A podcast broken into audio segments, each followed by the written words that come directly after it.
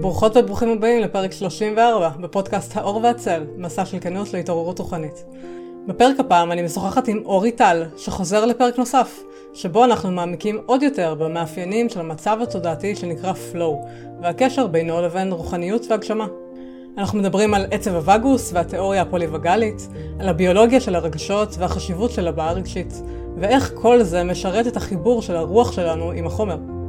לאורך הפרק, אורי משתף כלים שימושיים לוויסות של עצב הווגוס, ויש גם בונוס בסוף הפרק, מדיטציה בהנחייתו.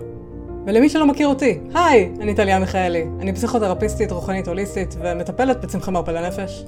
אני עובדת עם מתעוררים ומחפשים רוחניים בקליניקה פרטית ובקבוצות, עושה איתם תהליכי התפתחות נפשיים ורוחניים, ועוזרת להם בהתמודדות עם משברים רוחניים ובאינטגרציה של חוויות רוחניות ופסיכדליות. אז רגע לפני שאנחנו מתחילים, רק רוצה להגיד שאם אתם אוהבים את הפודקאסט, בבקשה תדרגו אותו בספוטיפיי, עשו לייק לפרקים ביוטיוב, וכמובן שתפו עם חברות וחברים כדי שהתכנים הללו יוכלו להגיע לעוד אנשים. אז יאללה, בואו נתחיל, אני ממש מקווה שתהנו מהפרק. שלום לכולם, שלום אורי. אהלן, טליה. איזה כיף שאתה פה שוב. כיף להיות פה. אמ, גם היום הולכת להיות לנו שיחה ממש מעניינת, אני בטוחה בזה. אמ, המון נושאים חשובים. אנחנו הולכים לדבר על אה, צבע הווגוס והתיאוריה הפוליווגלית והחשיבות של אה, הבעה רגשית ו... ואיך כל זה קשור לרוחניות ולמה זה רלוונטי למסע הרוחני שלנו ולחיים שלנו בכלל. Mm, כן, וגם איך זה קשור לפלואו. לגמרי. משם זה מגיע. נכון, איך זה קשור לפלואו, למצב התודעתי הזה שדיברנו עליו הרבה באמת בפרק הקודם, שהיית כאן, פרק 32. אה, מי שזה מעניין אותו ממש ממש ממש מומלץ להקשיב. כן. ספר על עצמך קצת. אז, אה, אז קוראים לי אורי, אורי טל. אה, אני בן 42, אני גר בעתלית, וב-16 שנים האחרונות אני בעיקר התעסקתי בתחום של דאטה, בעולם ההייטק, תחום שנקרא בינה עסקית. בגדול, אה, הפכתי אה, נתונים לתובנות. זה ככה הטייטל של התחום הזה, זה נקרא בינה עסקית. אה, ובשנים האחרונות התחלתי להרגיש שחיקה מהעבודה. לא באמת ידעתי שזה נקרא שחיקה, אבל הבנתי שמשהו קורה לי. התחלתי להיות יותר עצבני, התחלתי, נהיה לי קשה להתרכז, היו כל מיני תופעות כאלה שחיפשתי משמעות בעשייה שלי והרגשתי שאני הולך קצת לאיבוד. וחיפשתי פתרונות, ואחד הפתרונות שמצאתי הגיע דרך אה, עולם תוכן שנקרא Flow, ש-Flow זה מצב תודעתי שבו אנחנו מאוד מרוכזים בדבר שאותו אנחנו עושים. הביצועים שלנו מגיעים לרמות מאוד גבוהות, ואנחנו גם מאוד נהנים מהדבר שאותו אנחנו עושים. זאת אומרת, זה שילוב של ביצועים טובים ושמחה בעשייה. Mm-hmm, mm-hmm. אפשר גם לראות את זה קצת כמו שילוב בין מיינדפולנס לפרודוקטיביות. אה, ומאחורי זה יש ככה גוף ידע מאוד עשיר אה, בתחום של ה neuroscience, שככה מנסה לגלות אה, איך, איך מגיעים למצב הזה, איך אפשר להפוך אותו למשהו שהוא יומיומי. מדהים, מדהים. ואנחנו באמת, בפרק הקודם דיברנו על המעגל, ה cycle של ה flow, כן. נכון? שזה Um, ככה רק uh, בקצרה, שזה לא איזה מצב תודעתי שאפשר להיות בו תמיד באותו אופן, אלא יש לו, הוא משתנה. הוא משתנה, כן, הוא משתנה, והכלל הבסיסי פה זה שאנחנו, כדי להגיע לפלואו, אנחנו צריכים לנוע בין מצב שבו אנחנו מותחים איזשהו גבול, אנחנו מייצרים מתח, המערכת הסימפתטית שלנו מעוררת, לבין המצב השני, שזה מצב של רגיעה, של הרפייה, של התמסרות. שבה אנחנו מפעילים את המערכת הפרסימפטית של הרגיעה, ובעצם התנועה הזאת בין המתח לרגיעה, זה, זה מה שמייצר את התנועה של הפלואו בעצם. אנחנו צריכים לדעת לנוע בין שניהם, אה, וזה המפתח המרכזי בפלואו. מעולה. וזה בעצם מקשר אותנו למערכת העצבים, כן? שהיא כן. מערכת העצבים האוטונומית, שהיא זאת שעושה את המעבר הזה. נכון, נכון. היא אחראית בעצם על הוויסות של. של כל הפעולות של הגוף שלנו. והיא בין השאר גם אחראית על הוויסות בין מתח לרגיעה. יופי, אז, אז בואו ניכנס קצת לזה. כלומר, נתחיל. לדבר קצת על מערכת העצבים, הענפים השונים של כן. ההתפתחויות החדשות. כן. אז יש התפתחות uh, מאוד מעניינת. קודם כל, מערכת העצבים האוטונומית, כשמה כן היא, היא אוטונומית, זאת אומרת, היא יכולה לפעול גם בלי המודעות שלנו. Uh, תהליכים שקורים בזמן שינה, תהליכי עיכול, זרימת דם, פעימות לב, המון דברים שקורים באופן אוטונומי, שאנחנו לא צריכים בעצם להתייחס אליהם, הם פשוט קורים מעצמם. וגם הנשימה היא בין הפעולות האלה, אבל נשימה יכולה להיות גם מודעת וגם לא מודעת. וכאן יש מפתח שתכף אולי נגיע אליו בהמשך. Mm-hmm. אז בעצם מערכת העצבים האוטונומית, אה, עד 1994 אה, חשבנו שיש לה רק שני תפקידים מרכזיים. זה בעצם שהיא אחראית על ההישרדות שלנו וקשור לתהליכים פיזיולוגיים של ויסות ושל היכולת שלנו להתמודד מול סכנות. ב-1994 סטיבן פורג'ס, אה, חוקר בתחום הזה של נוירוסייאנס אה, ורגשות, הוא בעצם גילה לנו שיש עוד מצב שנקרא, הוא קרא לזה social engagement, אה, שהמצב הזה גם קשור להישרדות שלנו, היכולת שלנו להיות בשיתוף פעולה עם הסביבה, להיות באינטראקציות חברתיות טובות. ומה שהוא גם גילה בנוסף, זה שהמערכת העצבים לא רק אחראית על תהליכים פיזיולוגיים, אלא היא גם אחראית על תהליכים רגשיים וחברתיים. Mm-hmm. שכל הנושא הזה של רגש לא היה כל כך נפוץ בעולם המדע באותה תקופה, זה היה סוג של טאבו, מי שדיבר על רגש, פחות התייחסו אליו ברצינות, אז הוא באמת היה אחד הפיוניר, זה אחד הראשונים שדיברו על זה. כן, כי כאילו רגש זה כזה שייך לעולם הפסיכולוגיה, בזה מתעסקים אה, פסיכולוגים ופסיכיאטרים, זה כן. לא, לא נוגע למדענים מהשורה, mm, לכאורה. בדיוק, כן. Mm-hmm. כן, כן. אז הוא בעצם גילה שיש שם באמת, אה, וב-1994 מה קרה? הוא בעצם פרסם את התיאוריה שלו, שנקראת התיאוריה הפולי-וגלית, אה, The Polyvagal Theory, ששם הוא ככה הציג את, ה, את העקרונות האלה. שאולי ככה בהמשך נפתח אותם קצת יותר. Mm-hmm. ומשם בעצם אה, התחיל אה, ממש ענף שלם שחוקר את הנושא הזה, שעצב הווגוס הוא העצב המרכזי שקשור בתוך ה, בעצם הפעילות הזאת של המערכת העצבית. זה קשור לתהליכים של ריפוי מטראומה, וזה קשור לעוד הרבה תהליכים, אבל בקונטקסט שלנו, אני אדבר עליו על ההקשר, בהקשר של flow בעצם, איך זה עוזר לנו אה, להיכנס למצב הזה. כן. ואני כן רוצה להגיד אבל שבהקשר באמת ל, ל, לדרך רוחנית, להתפתחות רוחנית, התפתחות נפשית רוחנית, בסופו של דבר, כי זה תמיד קשור אחד בשני. Mm-hmm. המשמעות של עצב הווגוס כאן היא באמת מאוד גדולה, כי ככל שאנחנו מבינים יותר את הפעילות שלו, גם בהקשר של flow, כן, והחוויות האלה, אה, וגם בהקשר של טראומה. ואיך שזה משפיע עלינו, mm-hmm. אז אנחנו יכולים יותר ויותר להעמיק את הדרך שלנו. כן. זאת אומרת, זה ממש שני ערוצים שכל כך חשוב להעמיק בהם. כן, אבל אולי לפני זה אמרנו את השם הזה, עצב הווגוס, אבל אולי אני אגיד כן. איזה כמה מילים על מה זה עצב הווגוס. אז יש לנו 12 עצבים קרניאליים, שזה עצבים שיוצאים מהגולגולת, להבדיל מעצבים שיוצאים מעמוד השדרה. עצב הווגוס זה עצב מספר 10 מבין ה-12, הוא יוצא איפשהו כזה מאחור, באזור מאחורי האוזן שלנו. Mm-hmm. ויש לו שני ענפים מרכזיים, ענף אחד זה כל מה שמעצבב את הפנים, הבעות הפנים שלנו, והענף השני זה בעצם כמו איזה רשת עצבית שמתפרסת על uh, כל האיברים הפנימיים שלנו ומקשרת בין הראש לבין האיברים כמו הלב, השרעפת, מערכת העיכול, מערכת הרבייה, והוא קשור לוויסות של כל התהליכים האלה, ויותר ספציפית הוא זה שאחראי על ההפעלה של המערכת הפרסימפטית, שהיא המערכת של הרגיעה של הגוף. כן, לגמרי. אוקיי, אז בואו ניכנס קצת יותר לעומק של מה הקשר בין הווגוס לבין פלואו, ומה הקשר בין זה לבין רגשות, כן? כן, אוקיי. Mm-hmm. אז, אוקיי, אז בעצם קודם אמרתי שפלואו דורש מאיתנו את היכולת אה, למתוח איזשהו גבול ואז להרפות. אה, עכשיו, מה זה אומר להרפות? וזה משהו שלי לא בא באופן טבעי, אני קשה לי, יחסית קשה לי להרפות, אני כל הזמן, ב... לא כל הזמן, אבל אני לרוב בסוג של אה, ניסיון להגיע לאיזושהי מטרה, ניסיון ל... ל... להספיק משהו, אני גם בתוך התרבות של ההייטק ככה מאוד תחרותי ומאוד ככה, אז המקום הזה של להרפות מאוד זר לי. Mm-hmm.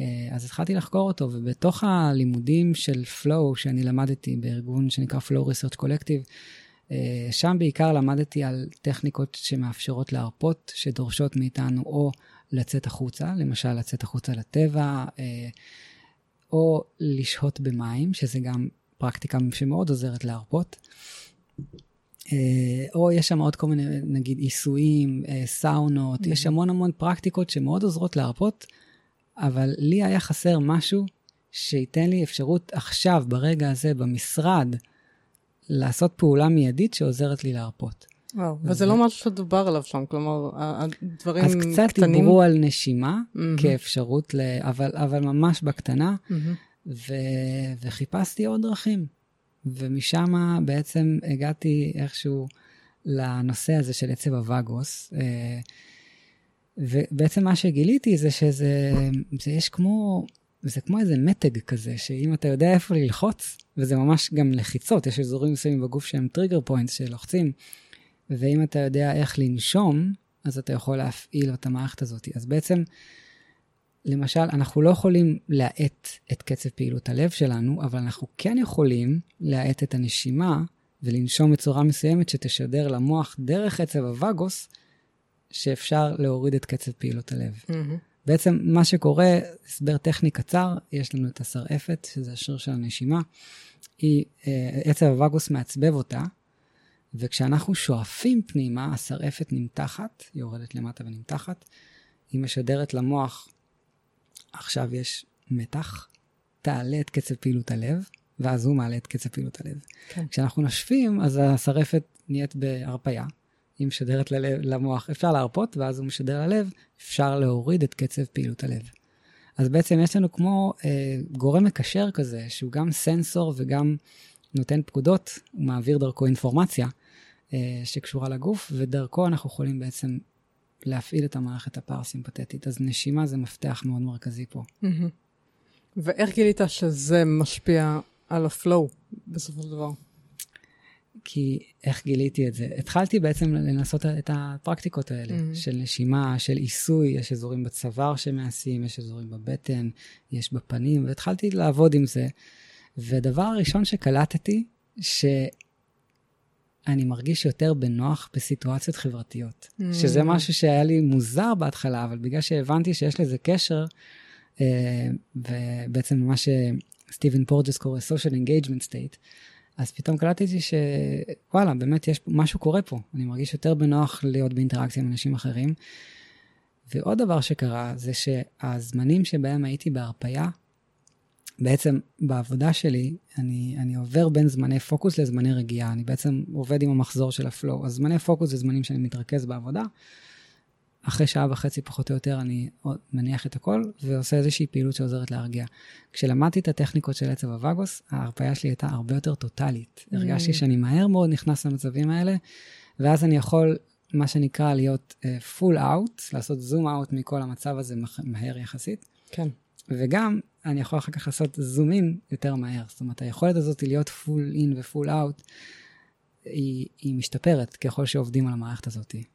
מעולה. אז אני חושבת שזה מאוד יעניין אנשים אה, שבהמשך תיתן כזה כמה טכניקות. כמה טכניקות, אה, כן. ש- שאפשר בקלות ממש אה, לעשות אותן ביום-יום. מעולה. אני רק אגיד mm-hmm. שהטכניקה הכי מיידית והכי פשוטה זה נשיפות ארוכות. כשאנחנו mm-hmm. נושפים נשיפות ארוכות, ויש כזה את המספר, מספר המזל, שבע, שבע שניות בערך, זה הזמן שאנחנו רוצים לנש, לנשוף החוצה, כדי שבאמת יהיה לזה אפקט משמעותי. Mm-hmm. דקה, שתיים, שלוש כאלה, זה כבר מפעיל בצורה מאוד מהירה את המערכת, המערכת הרגיעה שלנו. מעולה. עוד משהו שאני גיליתי, האמת זה גירוי בילטרלי. כלומר, אפילו אה, לעשות tapping על mm. כל ירך בנפרד, כן, בקצב קבוע, למשך כמה דקות, זה גם ממש עוזר mm. להוריד את ה... וואלה, מעניין. כן, זה, זה מה שעושים ב-EMDR, בתכלס, כאילו גירוי בילט... אה, בילטרלי. אוקיי. אז tapping, למשל, אם עושים את זה בפנים. יש נקודות מסוימות בפנים, שאם עושים אותם, אז זה גם מפעיל את עצב הוואגוס, כי הוא בעצם מעצבב גם את הפנים. אוקיי. העניין הוא אבל לעשות את זה אה, לא, באותו, לא באותו זמן, זאת אומרת, אחד, שתיים, אחד, שתיים. אה, אוקיי. מעניין, um, לא מכיר את זה. כן. אוקיי. אוקיי? שמחה לחדש לך משהו. אמ, אוקיי, אחלה. אז זה מתקשר לנושא של הטון הווגאלי, כן. נכון? כן. בוא, בוא תגיד על זה קצת. אוקיי, אז טון וגלי זה בעצם סוג של מדד לעד כמה המערכת שלנו מאוזנת, עד כמה אנחנו יכולים להתאושש מהר יותר ולה, ולהיכנס להומאוסטזיס, בעצם איזון נכון. אה, אחד המדדים לזה זה heart rate variability, השונות של מקצב הלב.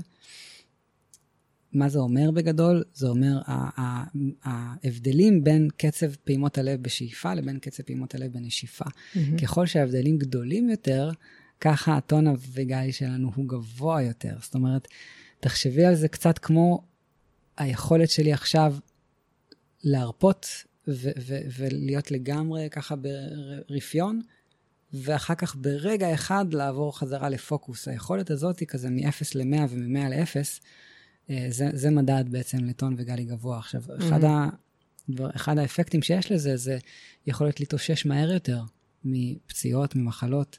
Uh, היכולת uh, להתאושש גם מהר יותר מ...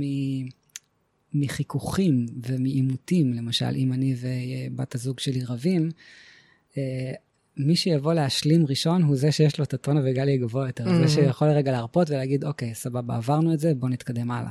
זה בעצם יכול לחזור לוויסות רגשי.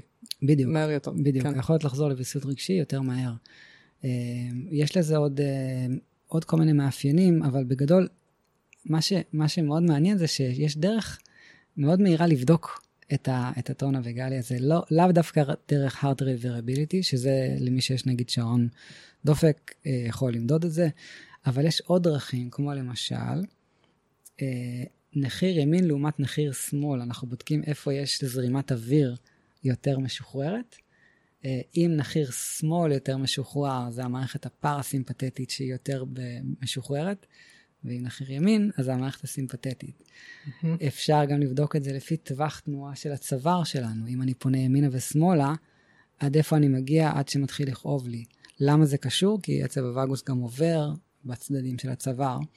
וככל שהתנועת צוואר שלנו יותר משוחררת, ככה גם התנועה שם יותר, יותר חופשית. אה, אז יש כל מיני דרכים למדוד את העצב הווגוס. אגב, גם הענבל שלנו, בגרון. שכ... בגרון, הענבל, אם הוא נוטה לאיזשהו כיוון, אנחנו יודעים שיש נטייה או סימפתטית או פרסימפטית. אם הוא מאוזן באמצע, אז אנחנו יודעים שיש איזון. אז אפשר ממש לבדוק בכל רגע ורגע ולעשות נגיד תרגיל שמאזן, ואז להסתכל שוב פעם. וזה היופי של ה, אה, שכל התחום הזה, שאתה יכול לעשות משהו, להסתכל ולראות את האפקט שלו. כן, כשהייתי בסדנה שלך על, ה, אה, על הווגוס והתיאוריה הפוליווגלית, אז כשדיברת על הנחיריים, זה כל כך הגניב אותי, זה היה כל כך כזה, וואו, אני לא מאמינה שבאמת אפשר, ומעניין אותי עכשיו לבדוק, hmm, מעניין מה המצב שלי, יש לי ניחוש. הדרך הכי טובה, כן. לבדוק את זה, זה לפני ששותים קפה ואחרי ששותים קפה. Mm-hmm, כי mm-hmm. קפה מעורר, הוא מעורר את המערכת הסימפטית, ואז ישר רואים לפני ואחרי. אוקיי. Okay. אז עכשיו, בבדיקה הקטנה שעשיתי, ראיתי שהצד הימני שלי יותר פתוח. זה אומר שכרגע... הסימפטית. הסימפטית פעילה כן. יותר. שזה וזה הגיוני, הגיוני, כי אנחנו עכשיו מדברים, אנחנו בעוררות, כן. אז נשמע הגיוני. כן, מגניב. כן.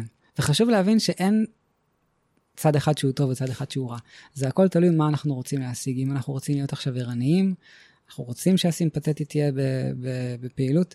אם אנחנו עכשיו לפני שינה, אנחנו רוצים שהפרסימפטית תהיה פעילה. זאת אומרת, זה, זה לא שאחד טוב מהשני. נכון. אנחנו רק צריכים להבין מה, מה חשוב לנו שיהיה יותר דומיננטי. נכון. מה שהעניין הוא באמת המקום המאוזן שלהם. כי כשאנחנו יותר תקועים בסימפטטיס, נכון? אז זה יכול לגרום לשחיקה.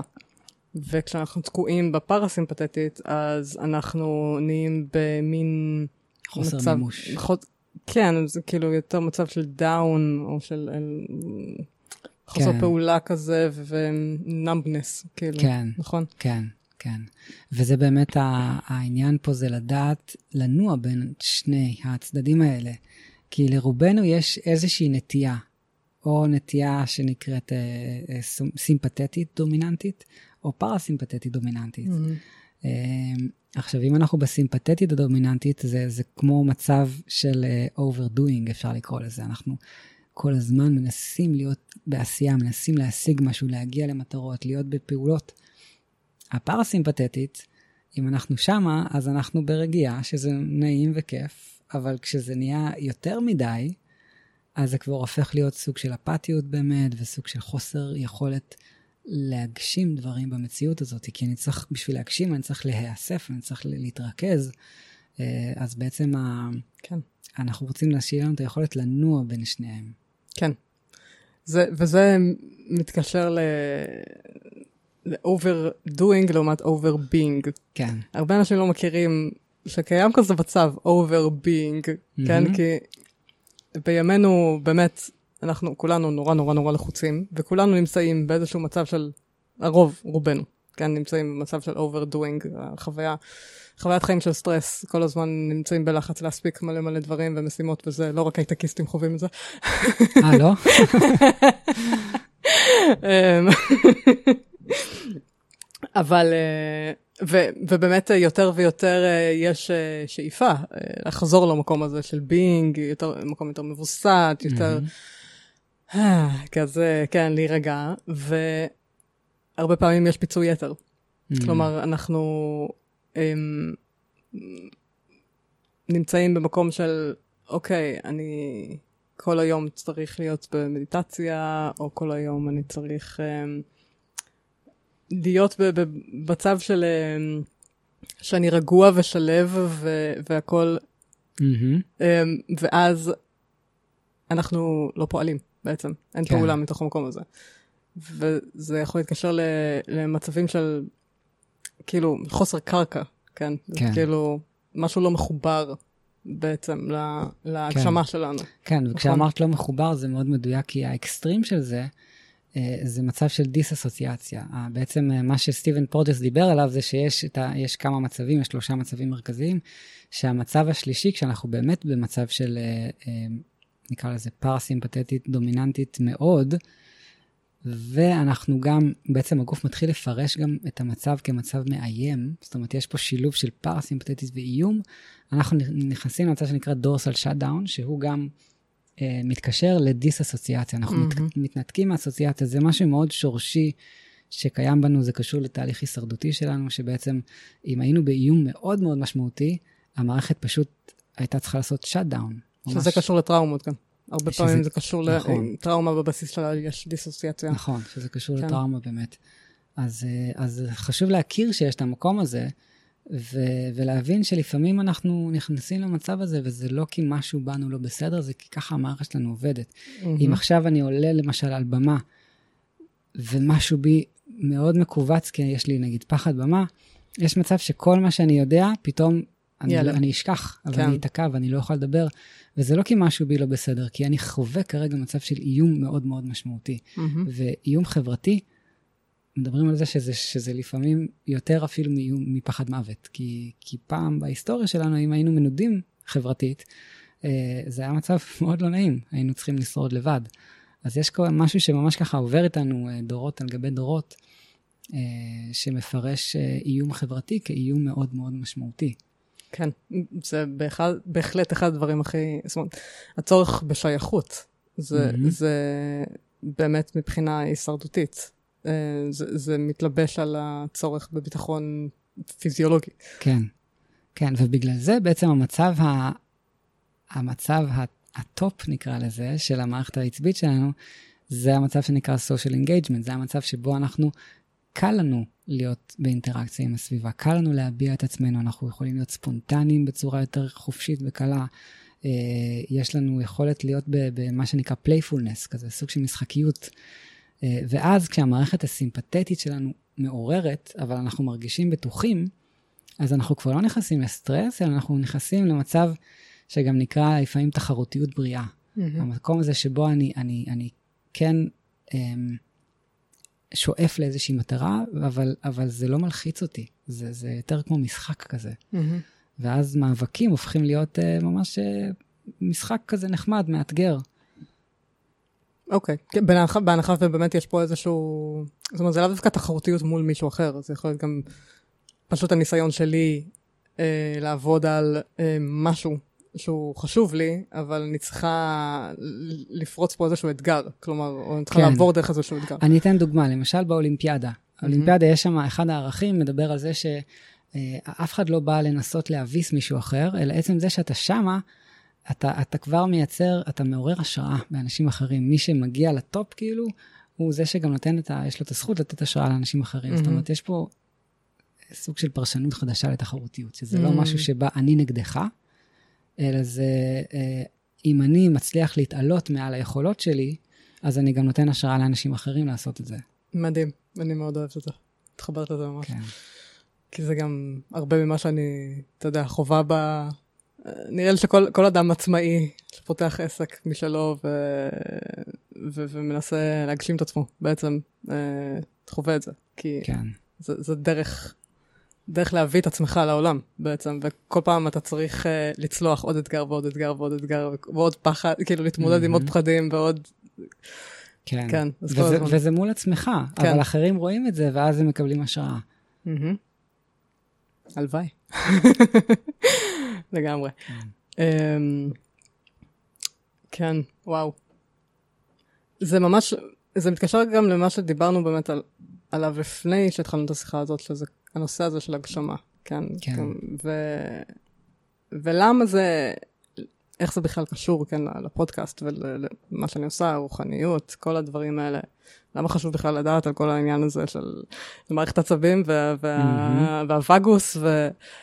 Um, כן.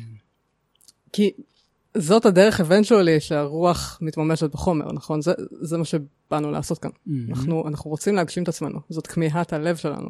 כן. כשאנחנו לא שם, אנחנו נורא מתוסכלים. Um, וזה, וזה בהנחה, וכמובן כבר יש לנו איזשהו כיוון. לפעמים אין לנו כיוון, אנחנו לא יודעים מה אנחנו רוצים לעשות, mm-hmm. אנחנו עדיין מחפשים, וזה גם אחלה, זה בסדר גמור. וג, אבל גם שם יש דברים שאפשר לעשות כדי לאזן את עצמנו ולהיות יותר בהשלמה עם כן. מה שקורה בכאן ועכשיו.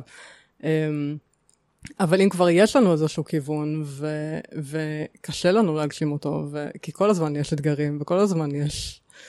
Mm-hmm. כאילו, זה לא נגמר, uh, זה, זה אף פעם לא ייגמר גם, כי זה החיים, כן. נכון? כאילו, תמיד יש את האתגר הבא.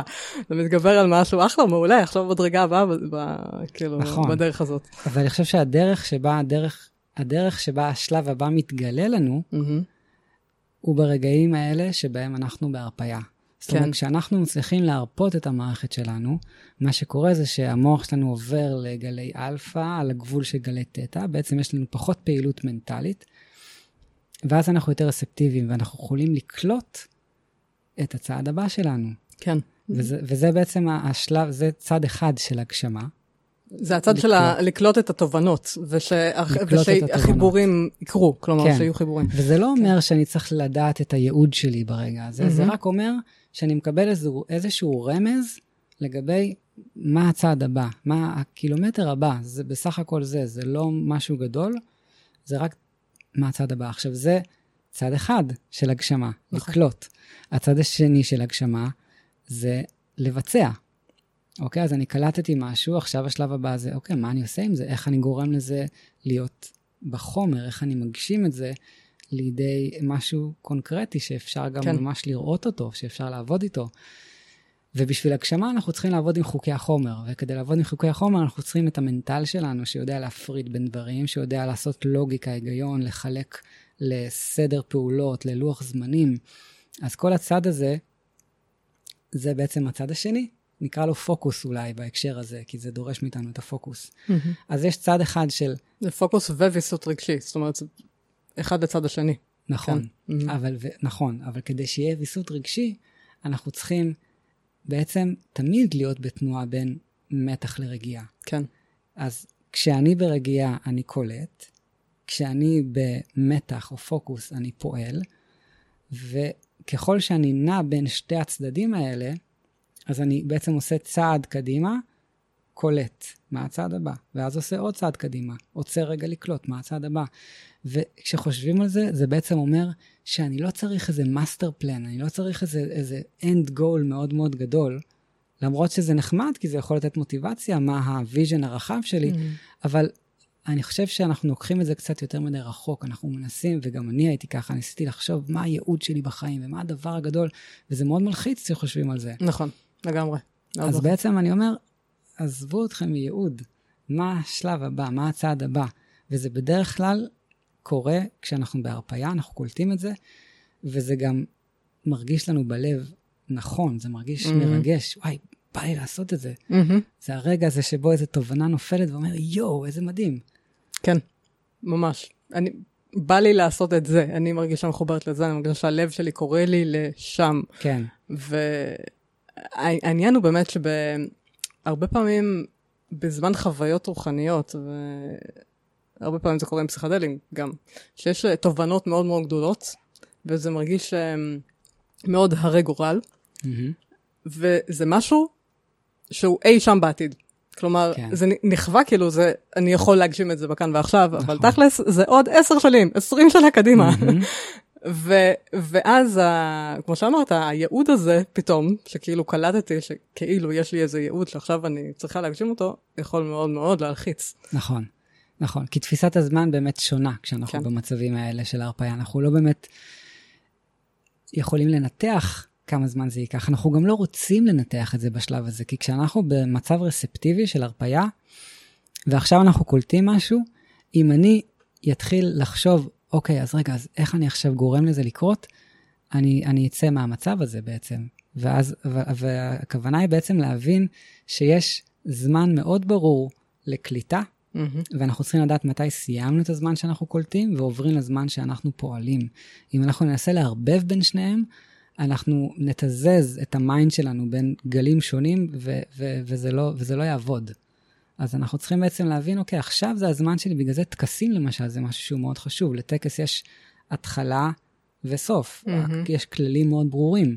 כן. אם אני עושה טקס מסוים, אני יודע שברגע הזה קיבלתי משהו מהטקס הזה, אבל אני עוד לא מתחיל לעשות איתו שום דבר עד שהטקס לא מסתיים, ואז אני כאילו מקבל כמו שיעורי בית או משהו כדי לעשות כשאני חוזר בחזרה למצב הרגיל. לגמרי. זה באמת ממש חשוב, ואני רוצה להדגיש את העניין הזה, שמה שקורה הרבה פעמים זה שאנשים נתקעים או במצב של הקליטה, והם רק במצב של קליטה, כלומר, mm-hmm. כל הזמן מדיטציות, כל הזמן משנה תודעה, כל הזמן, זאת אומרת, להיות במצב הזה של... צריך לקלו, לקבל עוד ועוד תובנות, כי כן. זה מה שיעזור לי, אבל לא, זה רק תוקע במקום. כן. Uh, והצד השני זה אנשים שנמצאים רק במצב של ה-doing, רק של העשייה, ולא mm-hmm. נותנים לעצמם רגע לעצור ולנשום ולהתבונן האם כן. מה שהם עושים הוא אפקטיבי בכלל. כן. עכשיו, יש, יש סמל מסוים שעולה לי עכשיו בהקשר הזה, הסמל של uh, מגן דוד. כשמסתכלים על מגן דוד, יש לו משולש שפונה למעלה, זה השאיפה שלנו לרוח, אבל יש גם משולש שפונה למטה, שזה אומר להגשים את הדברים גם בחומר. ממש. אז אם אנחנו תקועים על צד אחד ולא מאזנים אותו עם הצד השני, אז, אז אין, לא קורה שם שום דבר בעצם. יש כן. שם תסכול ויש שם פער מאוד גדול. Uh, עוד סמל שקשור לזה זה האינג והיאנג. האינג והיאנג זה תנועה של שתי האיכויות האלה, של שני ההפכים האלה המנוגדים, שרק כשיש ביניהם תנועה, בעצם הקו המעוקל שמחבר ביניהם מסמן את זה שיש פה תנועה, זה לא משהו שהוא סטטי. אז בעצם ככל שאנחנו נעים בין שתי האיכויות האלה, אז דברים מתחילים לקרות. כן, איזון. איזון. איזון בתנועה. ממש. וה... והעמקה בעצם בפעילות של הווגוס ובאופן העבודה אה, עם flow, זה משהו שממש ממש תורם לאיזון הזה, וליכולת כן. שלנו יותר ויותר להביא את עצמנו, להביא את הרוח לחומר. כן, כי בעצם כן. עכשיו אם אני, אם אני אגיד, אם מישהו אומר לי עכשיו, אה, אורי, תתחיל להירגע עכשיו. Mm-hmm. אני, זה יעצבן אותי עוד יותר, אני רק אתעצבן מזה. אני, אני, איך אני נרגע? מה זה אומר להירגע? אני, אין לי איזה משהו בראש שאני אומר לעצמי, עכשיו תירגע ואני עושה shutdown. אבל, אם אני יודע איך לנשום למשל, או אם אני יודע איפה לגעת בגוף, אז אני פשוט מפעיל את זה דרך הגוף. בגלל זה זה כל כך מקסים לראות שיש לנו בגוף ממש כמו מתגים כאלה שיכולים להפעיל את המצב הזה של הרגיעה. אנחנו לא צריכים לחשוב על זה יותר מדי, אנחנו לא צריכים... אה, אה, לעשות לזה רציונליזציה, אנחנו יכולים פשוט לעבוד עם הגוף. כן, כן, זה, זה עוקף את המודע בעצם. כן. לא צריך עבודה מודעת uh, שכלתנית בשביל להביא לזה. כן, אני רק mm-hmm. אסייג את זה ואני אגיד שאם אנחנו במצבים של מתח כרוני, שכל הזמן אנחנו צריכים להפעיל את העצב הווגוס, אז זה גם סימן שאולי גם כדאי להתבונן על זה יותר לעומק. כי כן. הכלים האלה שאני מדבר עליהם הם כלים שעוזרים לעשות setting נכון, כמו reset כזה. אבל אם אנחנו מרגישים שכל רגע צריך לעשות reset, כנראה שיש פה משהו בסיסטם שצריך אה, להעמיק לתוכו. כן, כלומר, זה לא אה, נוגד עבודת עומק אה, אה, טיפולית. כן, כלומר, זה תומך. זה תומך, בדיוק, זה לצד כן. זה, זה לא, ב, כן, זה לא מחליף את זה. כן, בדיוק. אה, לגמרי, זאת, אה, זה חידוד מאוד חשוב. וזה מתקשר לנושא של עבודה עם רגשות, כן? מהמם. כי יש את המשפט הזה, what you resist persist. כן, ובעומק שלו זה משפט רוחני מאוד בעיניי. אמ, וזה גם, זה, זה מתקשר ל, לזה שכשאנחנו נלחמים במציאות, המציאות תמיד מנצחת. זאת אומרת, מהמם. אין באמת, אין באמת דרך להילחם במציאות. כן, זה לא, זה אף פעם לא יהיה אפשרי. אה, אנחנו רק אה, מתחפרים יותר ויותר בתוך, ה, בתוך העניין הזה, מהמם. עד שאנחנו נכנעים ו, ומוכנים לקבל, ומתוך הקבלה הזאת משהו חדש מגיע. זאת אומרת, יש כן. איזשהו, איזושהי טרנספורמציה. כן. אמ, אז יש פה שני, שתי דברים. אחד, what you resist persist מדבר על, א' כל על זה שאיפה שתשומת הלב שלנו נמצאת, זה מה שמתחזק. כן. גם אם תשומת הלב שלנו נמצאת על מה שאנחנו לא רוצים. אם אני עכשיו מתנגד לשלטון המושחת, אם אני עכשיו מתנגד ל... אה, אה, לא יודע, למי שעכשיו מעצבן אותי בגלל שהוא אמר איזה משהו, אם אני עכשיו מתנגד לכל מיני דברים, אני בעצם מעצים אותם. כי אני שם את תשומת הלב שלי באזור הזה של התודעה, שקשור לדברים שמעצבנים אותי, הדברים שאני מתנגד אליהם. עצם ההתנגדות, ובגלל זה אומרים נגיד שאין פרסומת רעה. כל פרסומת, כל דבר שאומרים על מישהו זה טוב, כי זה מעלה את המודעות לדבר הזה. אז אם נחשוב על התודעה שלנו כמרחב גדול שיש לו אזורים שונים, איפה שתשומת הלב שלנו נמצאת בתוך המרחב הזה, זה מה שיגדל. יש לי משהו שאני רוצה אבל באמת להגיד על זה, כי אני חוששת שהרבה אנשים ייקחו את זה למקום של סטייל spiritual bypassing. כלומר, אני לא רואה, רק חשיבה חיובית, אה, אסור, אה, אסור לתת מקום לדברים אה, שליליים במרכאות מהמם. כפולות, ו... ואיך, אוקיי, אז איך כן מתייחסים למצבים שבאמת כולנו סובלים מהם, כמו שלטון מושחת? מה בכל זאת עושים עם זה? זאת אומרת, מה שעושים, זה מתחילים לכוון את המודעות לאזורים בתודעה של מה אני כן רוצה. מה זה בשבילי אומר שלטון טוב, שלטון איכותי, איך אני רואה שליטים שנותנים לי השראה, כן. אה, במי אני רוצה להתמקד, לא יודע, גנדי, מישהו, אנשים של דמויות שמעוררות השראה, כי גם ולשים גנדי- עליהם את הפוקוס. כי גם גנדי עשה מהלך של התנגדות לשלטון שהיה לו, אה, הבריטי, מהמם. אבל הוא עשה את זה אחרת. נכון. כלומר, זה באמת היה ממקום תודעתי אחר. כן, התנגדות לא אלימה. כן, בעצם הוא לא השתמש בכוח של ה... הוא התנגד, אבל בצורה אה, שמקבלת את המצב, אבל לא מסכימה לו. זאת אומרת, יש פה איזה משהו ש... מהמם. שאומר, אוקיי, חשוב. זאת המציאות. כן, זה ממש חשוב, העניין הזה של לקבל את המצב, אבל לאו דווקא להסכים איתו. כן, כן. כן. אז, אז יש את האזורים האלה בתודעה שלנו, שאם אנחנו מגיעים אליהם הרבה, גם אם אנחנו לא רוצים, אז הם מתחזקים, אנחנו מזינים אותם. הדבר השני מדבר על, אם עכשיו רגע נת- נתייחס לרגש גם, רגשות שאנחנו לא מסכימים להם, מתעצמים. מה זה אומר? אפשר לחשוב על זה כמו אה, רגש, נגיד כמו נהר, אוקיי? כי רגש, אם חושבים על זה רגע, באנגלית emotion זה energy in motion, זאת אומרת, יש פה אלמנט של תנועתיות מסוימת, שאם אנחנו עוצרים אותה, אנחנו מייצרים כמו איזשהו סכר. עכשיו, ככל שהעוצמה שלהם מתחזקת, אז הסכר הזה צריך להיות יותר ויותר חזק, הוא מפעל כוח בעצם. מה זה הסכר הזה? בהקשר שלנו, זה הרקמות של הגוף שלנו. ומסתבר, וכשגיליתי את זה, היה, כאילו, היה לי mind blowing כזה, מסתבר שיש לנו רקמה בגוף שנקראת פאשיה, רקמת חיבור, שהיא ממש אוגרת בתוכה את האנרגיה של הרגש שלא מקבל ביטוי.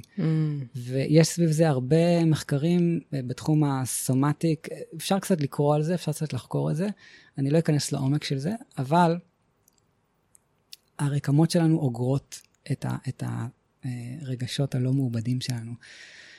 וזה אומר שאנחנו רוצים כן לתת להם ביטוי, אנחנו לא רוצים לעצור אותם. השאלה איך נותנים להם ביטוי.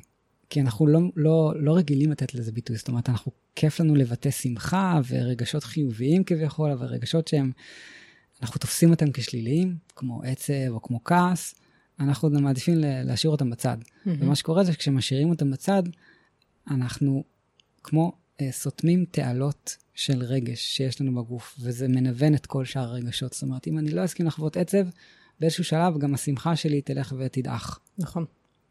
אז יש פה מנעד של רגשות, שאם אנחנו, אנחנו לא יכולים להיות סלקטיביים לגביו, אנחנו צריכים להסכים להיפתח לכל הרגשות. עכשיו, יש עניין למשל עם כעס, כי רובנו למדנו שכעס זה דבר שלא לא סבבה לבטא אותו מול אנשים אחרים, וכעס יכול להיות גם אלימות.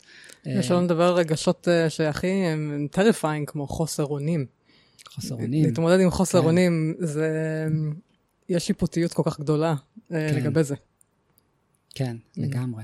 ואגב, בחוסר אונים, ברגע שמבינים איך המערכת העצבית שלנו עובדת, אנחנו מבינים שזה חלק מהתפקוד של המערכת, להיות בסוג של shutdown כשאנחנו בחוסר אונים. Mm-hmm. אז אני אקח לדוגמה את הכעס. כעס זה רגש שחשוב שהוא יקבל ביטוי, אבל לא מול האנשים שעליהם אני כועס, וזה דגש מאוד חשוב. אם אני מבטא כעס מול מי שאני כועס עליו עכשיו, אני מתפרץ עליו, ואני אחר כך תבוא גם חרטה, ואז זה כבר כן. יהיה loop כזה שהוא לא נעים. כן. אנחנו רוצים בעצם כן לבטא כעס, אבל בסביבה בטוחה, בסביבה שזה יכול להיות עם מטפל, זה יכול להיות, לא יודע, בחוץ ביער, לשבור עצים, לצעוק, לזרוק דברים, אבל, אבל לעשות את זה בצורה בטוחה, שהיא לא פוגעת באף אחד אחר. Mm. כי בסוף, אם מבינים שהרגע שזה הוא פשוט עצור בגוף והוא רוצה לצאת החוצה, ולכל אחד יש את הדרך שלו, יש כאלה שיצעקו ויש כאלה שישברו דברים, אבל ברגע שאתה מוצא את הדרך שלך, תלך עליה. ת, ת, בכל הכוח, אם זה סאקינג רוף, אם זה לא משנה מה, אבל זה צריך לצאת החוצה. וכשזה יוצא החוצה, מה שקורה זה שמתעוררת פתאום שמחה. Mm-hmm. וזה, וזה כאילו, זה אותי זה הפתיע בהתחלה, שראיתי שיש קשר בין כעס לבין שמחה. Mm-hmm. אני אחבר את זה רגע בהקשר של הפילוסופיה של הרפואה הסינית. לינק קטן רגע, ואז נחזור. בפילוסופיה של הרפואה הסינית מדברים על אלמנטים, חמשת האלמנטים. יש את אלמנט העץ, שהוא מייצג כעס. הרגש של עץ זה כעס. עכשיו, עץ מזין את האש, ואש קשורה לשמחה. אז כשאני מזין, כשאני מייצר עץ טוב, שאני יודע לכעוס בצורה בריאה, שזה, אפשר לקרוא לזה אסרטיביות במקום המאוזן שלו, mm-hmm. אז אני גם נפתח לשמחה. Mm-hmm. אז יש כאן חיבור בין הרגשות. אה, אני, אני, רוצה, אני רוצה להעמיק את זה כן. ולהגיד שאני חושבת שיש לשמחה, אה, השמחה היא תוצאה של כל רגש שאנחנו באמת באמת באמת מוכנים לשרות איתו עד הסוף ולקבל mm. אותו. ואני ככה אשתף אה, אנקדוטה ממני. Mm-hmm. אה, הנושא הזה של בדידות זה משהו שהוא, בוא נגיד, זה נושא שאני חיה אותו מאז שאני ילדה קטנה, כן? וכאילו כל, כל תקופה בחיים זה ככה זה צף עוד פעם ועוד פעם צריכה לעשות עם זה איזשהו עיבוד. ו... ובתקופה האחרונה um, באמת היה, uh, הייתה איזה, היו כמה חודשים uh, לא פשוטים סביב העניין הזה, וזה הגיע לאיזשהו קליימקס של לפני כמה שבועות. Uh, ערב שישי, הייתי לבד בבית. ו... הייתה שם איזה מין אה, התפרקות כזאת mm. שקשורה לעניין הזה. כלומר, ממש אה, בהתחלה סבל נוראי mm. מאוד, ואז באיזשהו שלב הסכמתי, ממש הסכמתי לגמרי להרגיש את העומק אה, של הרגש הזה ולתת לו להיות. ו- וזה היה פשוט גם, גם משהו מנטלי, אמרתי לעצמי, יש בדידות, יש בדידות, יש בדידות, יש בדידות. כאילו, mm. פשוט הסכמתי להרגיש את זה תוך כדי שאני אומרת לעצמי את, ה- את המנטרה הזאת, נגיד זה ככה. שזה בעצם להפסיק להילחם במציאות. Mm-hmm. להפסיק להילחם ברגע שלי, זה להפסיק להילחם ברג... במציאות, כי הרגע שלי קיים במציאות. כן. המציאות הפיזית, הגופנית, הרגשית שלי, הפסיכולוגית שלי, זה לא משנה. Um, ומשהו שם, ברגע שבאמת, באמת, באמת הסכמתי להתמסר לזה, נרגע. Mm. נרגע. ו... וזה היה ככה קצת זמן, ואז חזר, ואז עשיתי את אותו דבר, ועוד פעם, משהו מאוד יותר נרגע. ומאז זה לא חזר על עצמו, ככה, mm-hmm. בעוצמה הזאת, כאילו, אפילו לא קרוב, משהו ממש ממש השתחרר שם. אמ, אבל מה ששמתי לב, אחרי שעשיתי את זה, זה שהגיעה שמחה. Mm. פשוט הגיעה שמחה אחר זה כך. זה היה משהו ממש, אה, ממש משמעותי. אז אני אקח את הסיפור שלך ואני רגע אחבר אותו גם Mhm. לקונטקסט של המחזור של ה flow. זה אולי נשמע מוזר בהתחלה, וזה ממש זה. במחזור של ה flow יש ארבעה שלבים, השלב הראשון זה השלב של המאבק. היה בך משהו, חי בך משהו באותו רגע שהיה סוג של מאבק. כן. השלב השני של ה flow זה הרפיה. את, התמסרת לזה והסכמת לזה לקרות. מהמם. אחרי שיש את המאבק וההרפאיה, מגיע ה flow. זאת אומרת, ו flow זה גם קשור לשמחה, וזה קשור להתעוררות. אז יש פה איזשהו מהלך שדורש מאיתנו, בזמן שאנחנו מרגישים מאבק, להסכים רגע להיות בתוך המאבק הזה, וגם להסכים להרפות ממנו באיזשהו שלב. ברגע כן. שהוא מגיע ל peak מסוים, זה כמו גל, זה מגיע ל peak מסוים, ואז אם מסכימים להרפות, אז, אז הפיק הזה יורד, ופתאום מתוך התנועה הזאתי, מתעוררת שמחה, ומתעוררים דברים אחרים. כן. אז זה, ו, וזה מאוד, אה, זאת אומרת, ברגע שמלמדים, כאילו זה, זה סוג של אימון. אנחנו צריכים לדעת להתאמן על. על הדבר הזה. נכון. על היכולת להרגיש את האי נחת, את המתח, את הסטרס עולה, עולה, עולה, עולה, ואז להרפות. כן. במקום להתעסק בדברים אחרים, לנסות לפתור את זה בכוח. כן. כי הרבה פעמים זה מה שאנחנו עושים, אנחנו או מסיחים את הדעת שלנו, או, או שוברים את השכל, איך אני יכול לפתור את הדבר הזה. כן. אז בעצם יש לזה ביטוי, לתנועה הזאת יש ביטוי בכל הגופים השונים שלנו. בגוף הפיזי, למשל, זה קיבוץ של שריר לעומת הרפייה, אוקיי? בגוף האנרגטי, זה קשור לעוררות לעומת שינה או רגיעה, זאת אומרת, מערכת שמתעוררת לעומת המערכת ש- שרגועה. אה, ובגוף הרגשי זה קשור לרגשות שמכווצים אותנו ורגשות שמרחיבים אותנו. אוקיי? עכשיו, אם אנחנו לא מסכימים לשתי התנועות האלה, אז יש תקיעות. וכשיש תקיעות, אין flow. כן. בהקשר המנטלי, דיברנו על הגופים השונים, אז יש את הפיזי, יש את האנרגטי, יש את הרגשי ויש את המנטלי. המנטלי זה פוקוס ו mind wandering, או פוקוס והיכולת להרפות רגע מהדבר שאני מתמקד בו. מהמם. אז בעצם ברגע שמבינים שיש לזה ביטויים בגופים שונים, כל אחד יכול לגשת לגוף שהכי זמין לו, ולעבוד דרך הגוף הזה. אז לפעמים הגוף הפיזי מאוד זמין לי, ואז אני עובד על זה. נגיד, אני עושה אימונים, אימוני אינטרוולים שמעלים את הדופק, ואז אני מרפה. מהמם. ולפעמים אני עובד עם הגוף האנרגטי, ואז אני עושה נשימות שמעוררות ונשימות שמרגיעות.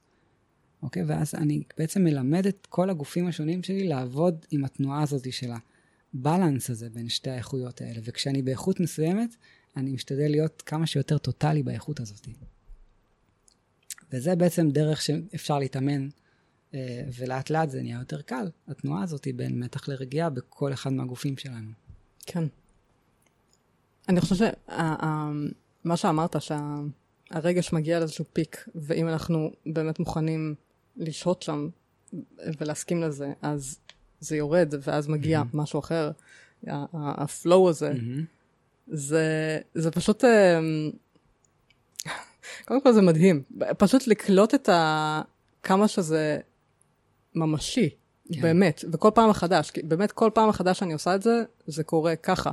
העניין הוא פעמים שאנחנו כאילו צריכים, זה דורש אימון, זה ממש דורש אימון, וכאילו, לפעמים זה מרגיש שאנחנו, גם אחרי שכבר עשינו את זה, אנחנו מבינים את ה, איך שזה עובד, זה נשכח, מהמם. ואנחנו צריכים להגיע עוד פעם לאיזשהו שיא, כאילו משהו ממש ממש ממש חזק, שיתפוס אותנו ולא ייתן לנו לברוח לשום מקום, ויכריח אותנו בעצם אה, לפגוש את הדבר הזה. אז, אז אני מאמין שעם הזמן, אנחנו צריכים דברים פחות חזקים. זאת אומרת, כן. כן. בשלבים הראשונים אנחנו צריכים את ה, מה שנקרא, את הכאפות האלה, החזקות, כדי שיעוררו אותנו, כן. אבל לאט לאט הכאפות יכולות להפוך להיות איזו דחיפה קלה, ואחר כך איזה ליטוף קל. נכון. ככל שאנחנו יותר רגישים לרמות הרבדים העדינים יותר, אנחנו קולטים את המסרים בצורה הרבה יותר אה, אה, מהירה, אנחנו לא צריכים שזה יתבטא בצורה קיצונית. לגמרי, אבל זה, זה מה שאני אומרת, זה כאילו תלוי ב, באימון שלנו. זה תלוי באימון, בדבר הזה. נכון. זה תלוי באימון, וזה גם אומר שאנחנו צריכים לסמוך על, על, על הדרך הזאת, על ה... כמו מפה הזאת שאנחנו, שאני עכשיו מדבר עליה, שיש פה את השלבים השונים האלה, ואם אני יודע שעכשיו אני בשלב המאבק, אני יודע שהשלב הבא זה הרפייה. זאת אומרת, once אתה יודע באיזה שלב אתה, אתה יודע מה השלב הבא. שזה צריך להיות המפתח בסוף. אם אני יודע שעכשיו אני במאבק, אני יודע שהשלב הבא זה יהיה להרפות. עכשיו, מתי להרפות? זה קצת tricky, mm-hmm. כי אנחנו כן, בעצם ההרפיה מגיעה אחרי שהגענו לאיזשהו peak מסוים, שמתחנו איזשהו גבול, כי אם לא היינו מותחים גבול, אז לא היה שום תהליך של התפתחות, ובסוף ב essence זה תהליכי התפתחות. נכון. אנחנו מותחים גבול, ואז אנחנו מרפים. מותחים עוד קצת גבול, ואז אנחנו מרפים. זה כל הזמן תהליך כזה. אם אנחנו לא נמתח את הגבול, ונשאר באזור הנוח והנעים, לא תהיה התפתחות, ובאיזשהו שלב אנחנו גם נרגיש חוסר משמעות וחוסר עשייה והתפתחות. זה מאוד אז... חשוב מה שאתה אומר, העניין הזה של יש, בהכרח חייב להיות זמן שהוא לא נוח ולא נעים. נכון. חייב להיות. כן.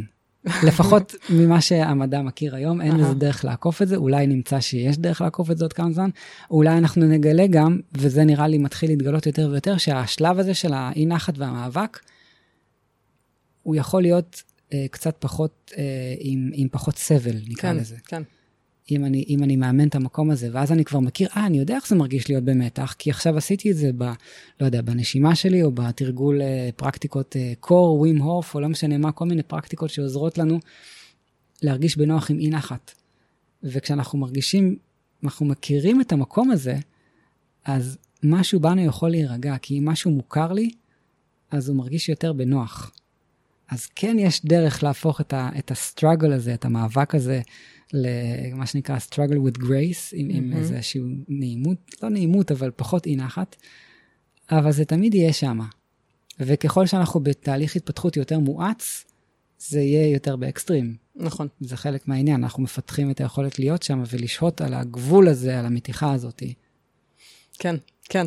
אני חושבת שהרבה אנשים חושבים, יש להם אה, אה, אשליה, ש... תהליך ההתפתחות יוביל אותם למקום שמתישהו הכל יהיה טוב.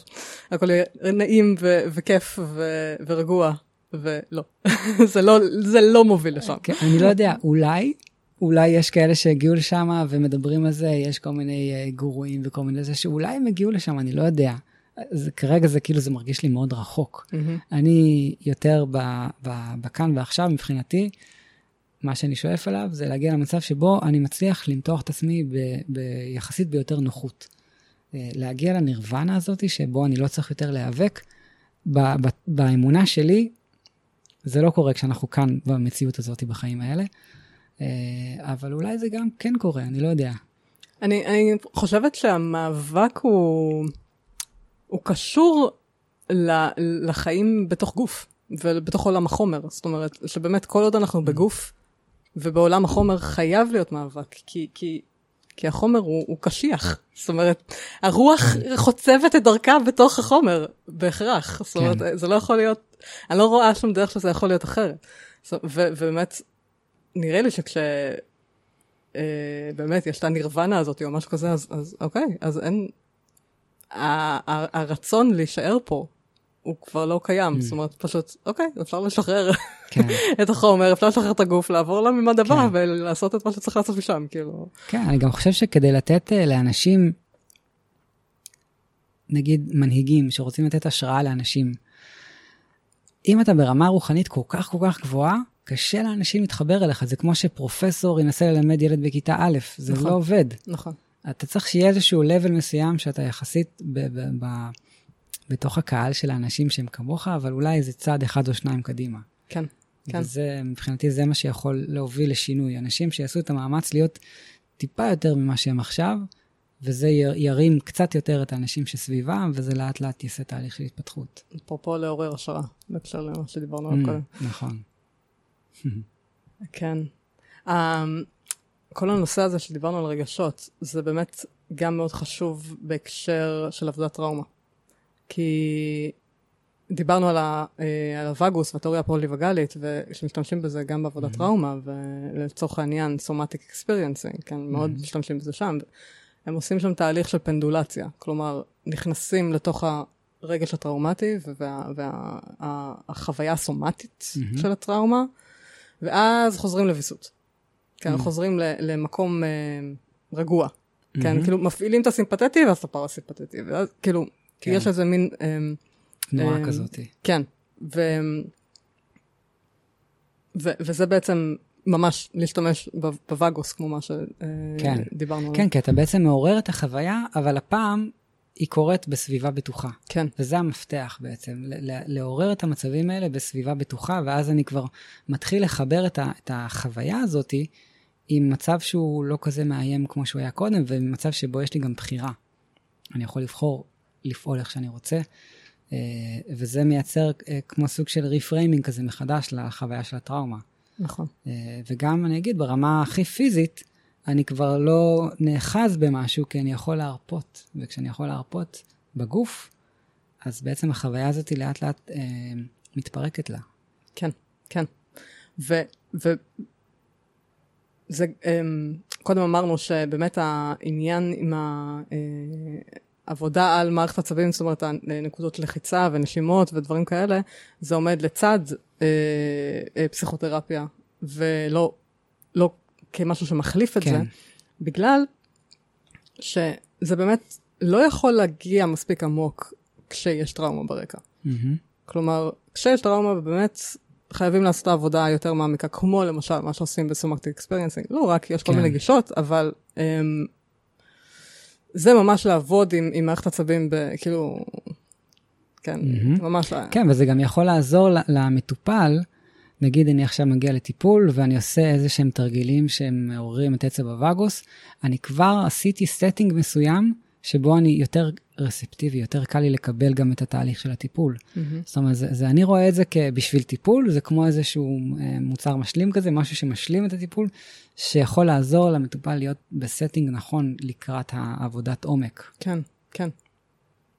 וזה גם מתקשר למדיטציות. כלומר, הרבה פעמים אנשים חושבים שהם יכולים לעשות את כל העבודה הרגשית שלהם, מספיק שהם ישבו על הכרית ויעשו מדיטציה, וזהו. Mm-hmm. וככה הם יפתרו את כל ה-issues שלהם. ו... וגם כאן אנחנו אומרים, לא, זה לא מספיק, זאת אומרת, יש עוד דברים. כן, אה, זו התחלה טובה. זו התחלה, כן. זו התחלה טובה, כי זה מתחיל לפתח את ה, מה שנקרא אינטרוספשן, היכולת שלי לחוש את הסביבה הפנימית שלי. נכון. ו- וזו התחלה מצוינת, כי, כי ככל שאני מצליח לשים לב יותר מה, מה ער אצלי בגוף, אז, אז אני יותר מודע לעולם הפנימי שלי, ומדיטציה מאוד עוזרת לזה. לגמרי, זה סופר חשוב, זה מאוד מאוד חשוב לפתח את היכולת הזאת, פשוט לא לעצור שם. כן. העניין הוא כשאנשים נתקעים שם ו- ולא מבינים למה הם עושים מלא מלא זמן מדיטציה, שנים, ו- ועדיין יש דברים ש- שתקועים בחיים שלהם. Mm-hmm. וזה מתקשר גם ל- לעניין של ה... מה שאמרנו קודם על, ה... על רגשות, כשאנחנו, כשהרגשות שלנו תקועים. Mm-hmm. כי כאילו אתה אומר אה, כזה, שהרגשות זה energy in motion, כן. נכון? והרבה פעמים יש איזשהו מלכוד כזה, שכשאנחנו מנסים להתרכז במדיטציה, אבל רגשות מפריעים לנו. כן? ואז אנחנו מתאמצים עוד יותר חזק.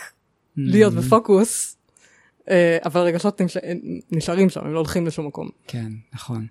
בגדול יש שני סוגים מרכזיים של מדיטציות, יש את המדיטציות ריכוז, שאז באמת הרגש כאילו מפריע, כי אתה רוצה להתמקד באובייקט אחד מסוים, ויש מדיטציות שהן יותר סוג של כזה open awareness, או deep rest, או יש לזה כל מיני שמות, כן. ששם אתה כן נותן לדברים לעלות.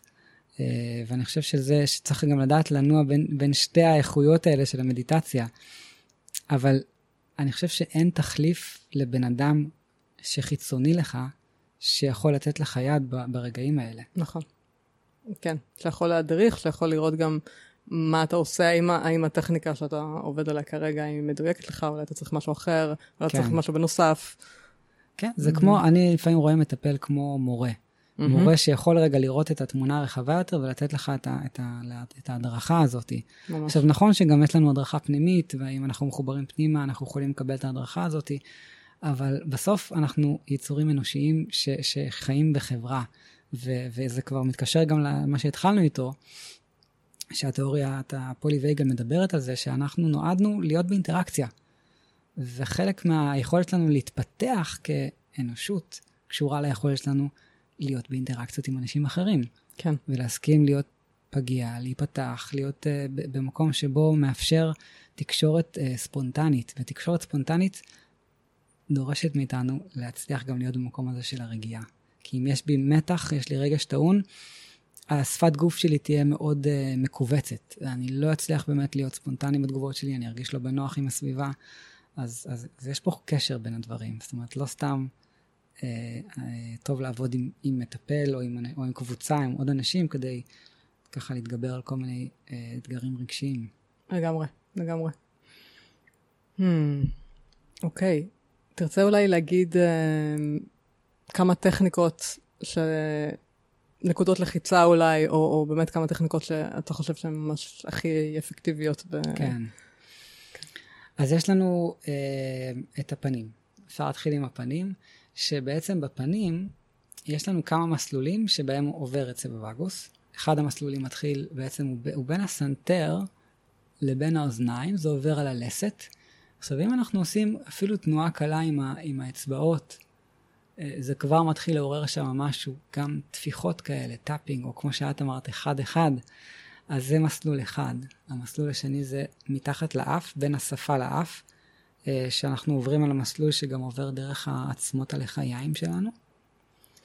אה, המסלול השלישי הוא מתחת לעיניים, בעצם האזור שמעל עצמות הלחיים שלנו, והמסלול הרביעי הוא במצח, באזור של המצח. עכשיו, לפעמים אנחנו גם שמים לב שכשאנחנו לחוצים, יש לנו נטייה להתעסק עם הפנים. יש אנשים שזה נטייה שלהם. צריך להבין שזה לא סתם. זה אינטואיטיבית אנחנו נמשכים לאזורים האלה כי הם עוזרים לנו להירגע. אז אם מישהו יש לו אה, את הנטייה הזאת במצבי מתח, לא יודע, נגיד לכסוס ציפורניים, לחטט באוזניים, לחטט באף, לעשות את הדברים האלה, זה יהיה טוב אם הוא ישים לב לרגעים האלה ויעשה אותם בצורה מודעת. מה זה אומר מודעת? נגיד במקום אה, לכסוס ציפורניים, רגע לקחת את האצבעות ולהתעסק פה בצורה נעימה, לעשות משהו נעים על האזור הזה של הלסת של, הפ- של הפנים. אם מישהו נוטה לחטט באף, יש פה שתי נקודות אה, בקצוות של האף, שאם עושים להם מיסוי זה גם מאוד מרגיע. אוזניים, אני עם אה, אוזניות אז קשה לי להדגים, אבל אם עוברים על הצדדים של האוזניים מהתנוך לצדדים, אה, זה גם נקודות שבהם עובר עצב הווגוס. הכי הכי טוב זה להסתכל במפה, לכתוב בגוגל אה, עצב הווגוס, פנים, וממש לראות איפה זה עובר. Mm. כשרואים איפה זה עובר, יודעים איפה לגעת. Mm. זה די פשוט. יש גם ביוטיוב כל מיני סרטונים אה, שמאוד עוזרים, כאילו, אה, פשוט לכתוב וגוס נרב מסאז', יש מלא כאלה, יש המון, ויש אנשים שעושים את זה ממש טוב. אה, אז זה הפנים. מאחורי הראש יש לנו אזור מסוים שבו יוצא בעצם עצב הווגוס, זה הצ... האזור הצוואר מאחורה. כשאנחנו עושים עיסוי באזור הזה, זה גם כן מאוד מרפא את העצב הווגוס. Mm-hmm. קולות של המהום, אם אני עושה אפשר ממש להרגיש איך זה יוצא רטט באזור הזה, זה גם כן מרפא את עצב הווגוס ומפעיל אותו. כן. אה, מים, מים שאנחנו שופכים על הפנים אה, או על העורף, גם כן מאוד עוזרים. אה, שירה, ריקוד, אינטראקציות עם אנשים אחרים, תרגולי נשימה, דיברנו על זה קצת קודם, mm-hmm. נשימה שהנשיפה היא ארוכה יותר. אה, יש אזור בבטן, בטבור, אם אנחנו עושים עיסוי בטן, זה גם כן מפעיל את עצב הווגוס, כי יש מה שנקרא gut brain connection, החיבור בין המעיים לבין המוח, שעצב הווגוס הוא המקשר ביניהם, אז עיסוי מעיים מאוד מאוד עוזר לזה. אה, יש אה, תזונה, חשוב לשים לב, שאנחנו לא מזינים את עצמנו בחומרים שהם לא קשורים לטבע. כל מיני מזונות שיש בהם תוספים אה, כימיקליים, תוספים, כל, בגדול כל מה שמגיע משקיות ויש לו הרבה הרבה ingredients. כן, E, מאה ו... כל האלה, כן. בדיוק. מה שהם עושים, הם בעצם, המעיים מתרגמים את זה כאיום. כי זה לא משהו שהוא טבעי להם. וכשהמעיים מתרגמים מצב של איום, הגוף מתעורר למצב של סטרס. אנחנו לא תמיד מבחינים בזה, אבל לפעמים מרגישים איזה אי נחת בבטן. אנחנו רוצים לאכול דברים שהם כמה שיותר קרובים לטבע, פירות, ירקות, אגוזים, שקדים, אה, קטניות, דברים שאפשר לזהות אותם מהטבע. Mm-hmm. אז אה, התזונה מאוד חשובה, שינה מאוד חשובה, אה, תנועה מאוד חשובה, פעילות פיזית עוזרת מאוד לפעילות של הטונה וגלי, כי בעצם מה שאנחנו עושים, אנחנו מעוררים את המערכת, אבל אנחנו בסביבה בטוחה. ועוררות בסביבה בטוחה מעודדת את הטונה וגלי. זה ככה כמה דברים. כן, אבל... ודיברת על הנשימה קודם. נכון, ו... תרגיל הנשימות. כן, נשימה זה הכי מיידי, זה הכי פשוט. כן. Uh, הכי קל זה פשוט לחשוב על זה שאנחנו רוצים לשאוף פנימה, נגיד לספירה של שלוש או ארבע, ולנשוף החוצה לספירה של שבע. ויש עוד כל מיני טכניקות של נשימה, עם עצירות נשימה, לא אכנס לזה עכשיו.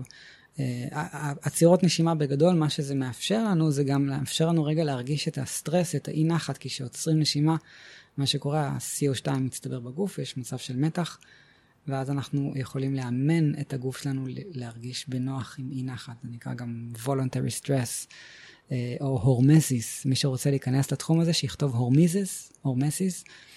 יש המון פרקטיקות שקשורות לזה, שמחזק את, ה, את החוסן בעצם. Mm-hmm. Hmm, מדהים. יש, יש כל כך הרבה דברים שאני מרגישה שאפשר להעמיק בהם בהקשר לזה, ספציפית לגבי ה... הגל הזה, הגל של ה... אה, הגל הרגשי, אבל mm-hmm. זה בעצם הגל העצבי, נכון? שקורה בעצם ה... ה... המהלך העצבי, ליתר דיוק, שקורה שם במחזור הפלואו. Mm-hmm. כי אני חוויתי את זה גם עם, עם, עם, עם כאב פיזי. אותו, אותו עניין בדיוק, שחוויתי mm. עם כאב רגשי, חוויתי גם עם כאבים פיזיים, כשהיה את השלב של המאבק בכאב, ואז היה את השלב של הקבלה וההתמסרות, ואז הוא פשוט uh, נרגע. אני לא אומרת שזה יכול לקרות עם כל כאב פיזי, זה קרה לי ספציפית עם, עם uh, כאבי וסת, mm-hmm. ממש. וזה כל פעם מחדש מוכיח את עצמו, כאילו... Mm. Um, אז זה פשוט הפוטנציאל של זה, בעיניי, הוא מטורף. כאילו, כן. הפוטנציאל של להבין את המנגנון שקורה פה, ואפשר ליישם את זה בכל כך הרבה דברים בחיים. מבחינה כן. קוגניטיבית, מבחינה רגשית, מבחינה פיזיולוגית, כאילו, כל כך הרבה דברים. זה כן. מטורף. כן, וכשחושבים על זה, בעצם כל תהליך יצירה הגיע מהמקום הזה. כשמישהי יולדת, הדבר הראשון שאומרים לה זה כשיש צירים וכשהיא יולדת, לנשוף נשיפות ארוכות. זאת אומרת, mm-hmm. יש כאן כבר הבנה ש- שהמקום הזה שמבקש להרפות, יש לו, מכירים אותו, יודעים איך הוא קורה, וכשאנחנו אנחנו יצאנו לעולם מתוך זה שאימא שלנו הצליחה להרפות ולתת לנו לצאת החוצה, זאת אומרת, ו- ולפני זה היה מאבק. כן. נכון, לפני שיצאנו לעולם היה, זה, יש צירים, יש... טוב, את יותר מכירה, אני פחות מכיר את זה, אני רק ראי, חבר, ראיתי את זה מהצד. אני לא ילדתי עדיין, אז אלא אם כן חתולה זה נחשב, סתם. נשים מכירות את זה, כן. אימהות מכירות את זה, ו, וככה הגענו לעולם, מתוך התהליך הזה של המתח, היה כאב, היה צירים, היה כאב, ואז היינו צריכים, האמא הייתה צריכה להרפות. איך שמסתכלים על אה, פרפר שיוצא לעולם שהופך מגולם, גם כן, הוא היה צריך להיאבק במעטפת שלו לפני שהוא היה יכול לפרוץ החוצה. אם הוא לא היה נאבק, הוא לא היה מפתח את השרירים של הכנפיים שיכולות להיפתח. זאת אומרת, רואים שזה דפוס שחוזר על עצמו בכל תהליך יצירה, בכל דבר. וכשמבינים את העיקרון הזה, מבינים שיש פה כלל, יש פה ממש כלל שעובד על כל דבר. כן, זה חוק טבע ממש, זה כן, ממש כאילו חוק, חוק בסיס של קיום. חוק טבע. נשימה, יש מתח, אני שואף, יש מתח, אני נושף, יש רגיעה. פעימות הלב, קיבוץ והרפייה. זאת אומרת, כל התהליכים הביולוגיים קורים בצורה הזאת. העניין הוא שהמנטל שלנו, הוא גם אמור לעבוד ככה, mm-hmm. אבל שם יש לנו יותר אפשרות לשחק איתו ולה, ו, ובעצם לאמץ אותו יותר מהרצוי. כן, כן. המנטל סלש הרגש, כאילו כל מה שקשור ל... שנמצא לכאורה אה, באזור המודעות, כלומר, אה, כאילו מה שיש לנו שליטה עליו. כן. ואני אומרת כאילו כי זה כן, זה, זה מוגבל. זה מוגבל, זה מגיע בדיוק. לשלב מסוים שבו הביולוגיה שלנו פשוט כאילו מראה לנו שאין מה לעשות, יש חוקים. כן. אתה לא יכול להחזיק רגש יותר מדי זמן, בסוף תצא איזושהי מחלה, חס וחלילה. אתה לא mm-hmm. יכול להחזיק פוקוס יותר מדי זמן, כי אחרת אתה תרגיש שחוק. אה, יש חוקים שאם אנחנו לומדים ל- לעבוד לפי החוקים האלה, כי אנחנו בני אדם, יש לנו חוקים ביולוגיים שפועלים עלינו, אם אנחנו מסכימים להתמסר לחוקים האלה, אנחנו יכולים להגיע לרמה של איכות חיים הרבה יותר טובה, ולסיפוק יותר גדול, ולביצועים יותר טובים. לגמרי. זה, זה כמו ללמוד את, ה... אתה יודע, אנחנו מגיעים לעולם ואנחנו שואלים את עצמנו כזה, איפה ספר החוקים לחיים האלה? מה, למה אף אחד לא מלמד אותנו איך, איך חיים פה? איך כאילו... אמ, אז אני חושבת שזה חלק גדול מהעניין, זה כאילו לחזור ל, ל, ל, לבסיס, לעצמיות אה, הממש הבסיסית של הקיום. ושל חוקי הטבע, ושל איך שהדברים עובדים, וכי אנחנו התנתקנו, בתור אנושות, אני מתכוונת, mm-hmm. אנחנו התנתקנו. אנחנו בעצם עושים את המהלך הזה של לחזור בחזרה, ולגלות שאנחנו לא, לא נפרדים, ואנחנו לא יכולים להיאבק, אה, כן. לא בטבע, ולא בעצמנו, ולא בשום דבר. כן, ואני חושב שבאמת יש פה פרדוקס מסוים, כי אנחנו כולנו רוצים להיות uh, חופשיים ולהרגיש חופש, אבל בסוף, כדי להיות בחופש, אנחנו צריכים לציית לחוקים מסוימים. נכון. ואם אנחנו לא יודעים לציית לחוקים האלה, אנחנו לא נרגיש חופש. נכון, ממש. נכון, כי מלחמה זה לא חופש. וואו, מדהים. עוד uh, משהו ככה לסיכום שהיית רוצה להגיד?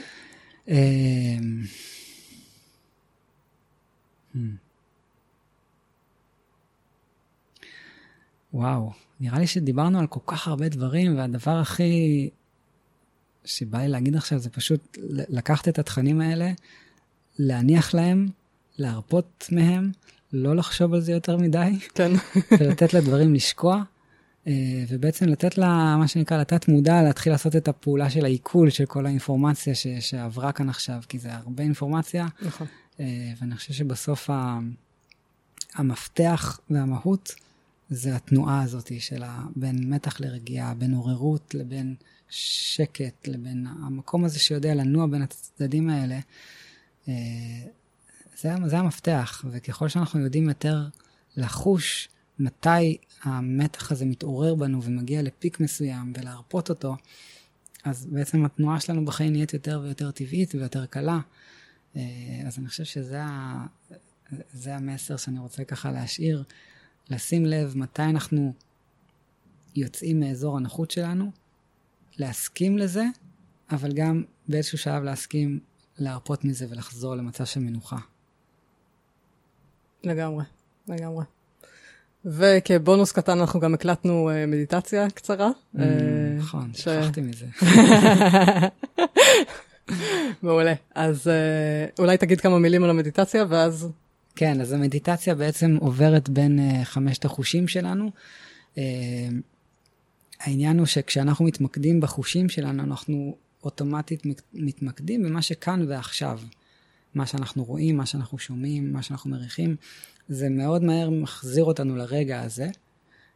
ואחר כך היה שלב שעברנו בין כל החושים, בעצם עברנו להתמק... להתמקד בנשימה, ונשמנו בצורה מסוימת שמפעילה את עצב הווגוס, הצורה שדיברנו עליה קודם, שהנשיפה היא ארוכה יותר. אה, אז זה בעצם סוג של מהלך כזה שמייצר איזשהו setting טוב בתור התחלה כדי להגיע להרפייה. אה, זה טוב לעשות אותו לפני דבר מרגש שאנחנו עושים, כמו פודקאסט, mm-hmm. כמו עלייה לבמה, כמו רגע לפני שאני צריך לבצע משהו, אה, וזה גם יכול להיות טוב לפני שינה, כי זה גם, יש בזה משהו ש... מרפא, זה מאוד תלוי מה אנחנו רוצים עכשיו להשיג. אה, אני אגיד שהמדיטציה שה, ההופכית לזה, זו המדיטציה שבו השאיפה היא ארוכה יותר, ואנחנו רוצים לעורר את המערכת, וזה טוב למצב שבו אנחנו קצת מנומנמים אולי, ואנחנו רוצים רגע להיאסף ולהתעורר ולהרים משהו, mm-hmm. להרים את האנרגיה שלנו. במקום הקפה של הבוקר. במקום הקפה של הבוקר, או גם יחד עם הקפה, ביחד, זה גם כן. בסדר, אבל זה תחליף טוב לקפה, כן. כן. מעולה. אורי, תודה רבה רבה רבה. אחלה, תודה לך, היה לי כיף. אז בואי נעצום עיניים, ונעביר את תשומת הלב אל הלב שלנו. אפשר גם להניח יד ולנסות להרגיש את הפעימות של הלב.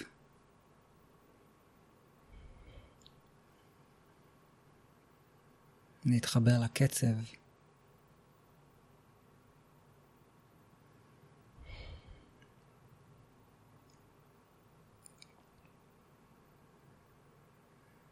מעולה, ועכשיו נרפה את תשומת הלב מהלב, ונעביר תשומת הלב לחוש השמיעה, ננסה להקשיב לצלילים שסביבנו.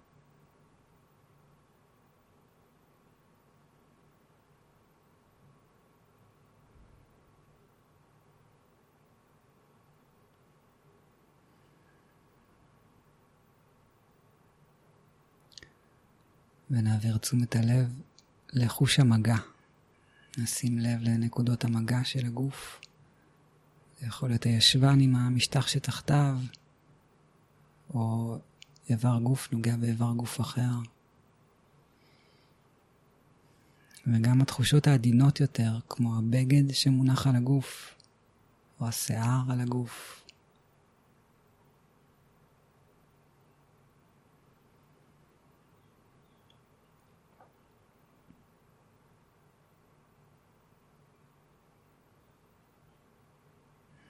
נעביר תשומת הלב לחוש הטעם. ננסה להבחין איזה טעמים יש לנו על הלשון. ואפשר גם לדמיין טעם, אם אין שום טעם דומיננטי.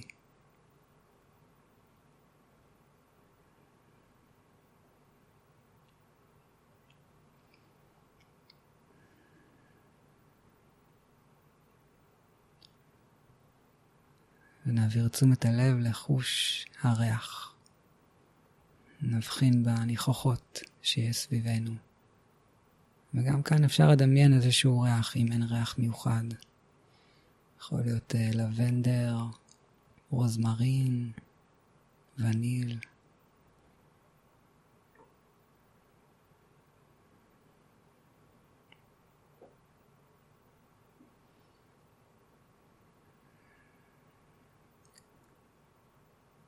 מעולה, ונעביר את תשומת הלב לחוש הראייה. נפתח חריץ קל בעיניים, ניתן למעט אור להיכנס, ונשים לב לחוש הראייה.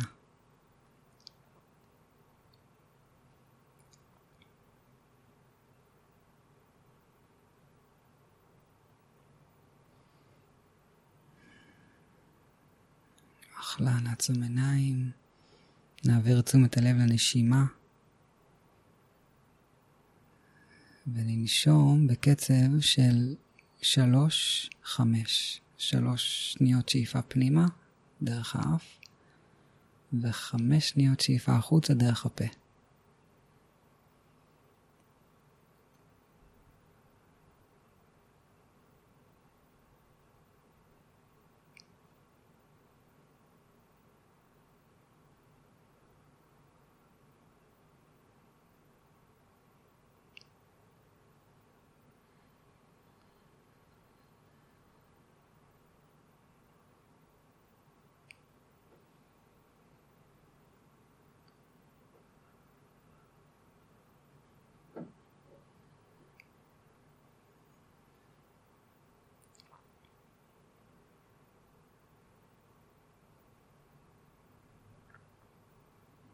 עוד נשימה אחרונה.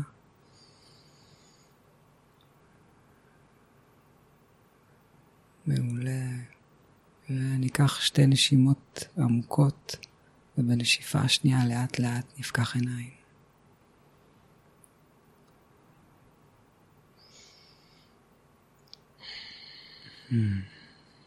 אוקיי. תודה, זה היה ממש נעים.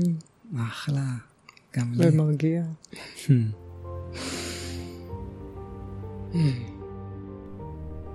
עד כאן הפרק לפעם. אבל רגע לפני שאתם הולכים, אני רוצה לספר לכם שבאמצע אוגוסט אני עושה הרצאה על האור והצל של חוויות רוחניות ופסיכדליות. זה קורה בכנס על הצל, בשיתוף מיקרופוביה, בקולאבו תל אביב.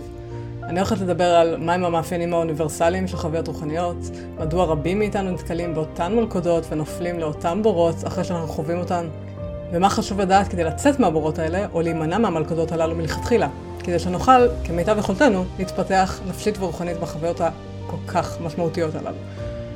אז לינקים לרכישת כרטיסים לכנס מופיע כאן בתיאור הפרק, ואם בא לכם לקבל עדכונים ממני על פרקים חדשים בפודקאסט, על הרצאות וכולי, מוזמנים להירשם לקבוצת הוואטסאפ בשליטה, יש לינק כאן.